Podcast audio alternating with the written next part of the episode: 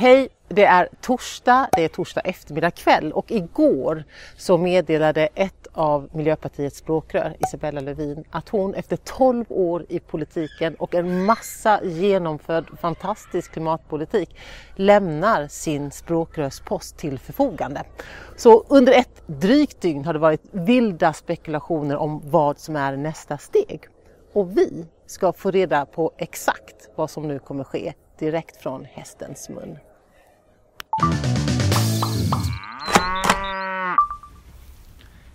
Katrin Wissing, hör du mig? Jajamensan.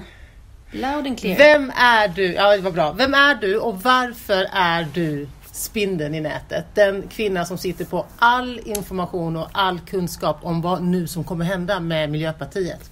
Ja, alltså jag brukar inte kalla mig själv för spindeln i nätet, men det är ju kul att någon eh, vill göra det. Nej, men jag är faktiskt sammankallande för riksvalberedningen i Miljöpartiet och det betyder alltså att jag eh, eh, sammankallar våran eh, valberedning och ser till att ansvara för att vi, vi gör saker helt enkelt. Mm. Och att vi, ja, men du är ju en person, om man har liksom stått på våra listor på valbar plats och om man som jag ledde oss eh, i EU-valskampanjen så är du en person som man talar mycket med och blir utsatt för. Så jag undrar nu, eh, vad, vad, kände du, vad tänkte du när Isabella ringde upp dig eh, häromdagen? Alltså det där är ju någonting som ingår i alla valberedares uppdrag. Alltså det är ju Eh, det är ju en del av vårt arbete, men det är ju aldrig särskilt kul naturligtvis. Eller det är, det är ju speciellt framför allt. Vi vet ju att det blir ganska mycket arbete. Men eh, ja, jag tänkte nog faktiskt det. Nu blir det åka av. och det har det blivit. Det har varit otroligt många och eh, stora spekulationer och vi alla respekterar ju eh, Isabellas beslut eh, och hon har ju gjort ett otroligt eh, stort arbete för Miljöpartiet och för de frågor som ju är helt avgörande för allas vår framtid. Mm. Men ditt arbete nu då, som alltså ska leda men, liksom den här gruppen av människor, hur många är ni? Vi är faktiskt 33 stycken. Är vi. Oj, Mm. Så vad var det första du gjorde? Vad är det första steget i, att, eh, eller i jakten på ett nytt språkrör?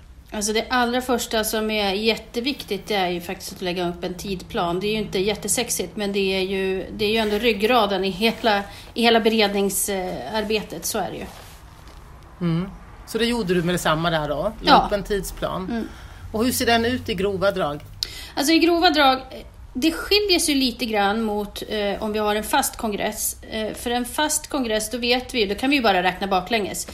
Eh, då går man till stadgarna, ser att förslaget måste vara ute sex veckor innan och då är det bara att räkna baklänges och så får man helt enkelt se till när man ser när man ska börja. Eh, och detsamma gäller ju även EU-parlamentslistorna. Eh, den här gången mm. fick vi helt enkelt eh, ja, free, freebasea lite. Så att nu är det tänkt att det ska bli ett förslag innan årsskiftet. Mm. Kommer vi presentera det. Sen så kommer vi också att eh, ha nomineringsprocessen, den börjar faktiskt eh, den första september. Och den kommer att vara ute i fyra veckor. Så det, är, det är ungefär... Som, vem, ja, men vem kan nominera? Alla medlemmar. Vem, vem, alla kan nominera och vem som ja. helst kan nomineras, eller? Ja. ja, men vi vill ju gärna att man, den som nominerar, om du, om du har en person som du tycker är jättebra, så är det ju bra om du också förankrar med den och säger så här, du jag skulle vilja nominera dig, är det okej? Okay? Det kan mm. bli lite konstiga budskap annars, eller det kan bli lite dubbelt. Så mm. jag tycker att, kolla med det. Men ja, du kan nominera vem som helst egentligen. Mm. Men behöver man ha fler äh, bakom sig? Kan man, kan man nominera äh, som en enskild person? Eller måste jag ha med mig en förening eller ett distrikt för att kunna nominera en person? Nej, alltså vi har ju en intern demokrati som säger att våra medlemmar ska kunna eh, nominera vem den vill, eller kandidera för den delen. Jag är ju en stark förespråkare att man ska faktiskt vilja vara med och vilja, så jag tycker att man kan kandidera faktiskt. Mm. Och så den första september så öppnar portarna till nomineringarna, till kandidaturerna. Och vad händer sen? Ja, sen händer ju... Eh, dels är det, går ju valberedningsarbete igång, att eh, sondera och lyssna in partiet, eh, partidistriktsordföringarna nyckelpersoner på Riks. Men vi har faktiskt en nyhet i år och vi kommer att lägga ut ett formulär där alla medlemmar ska kunna komma in med åsikter om vad man tycker att språkröret ska få erfarenheter, eh, kanske profil eller egenskaper och så vidare.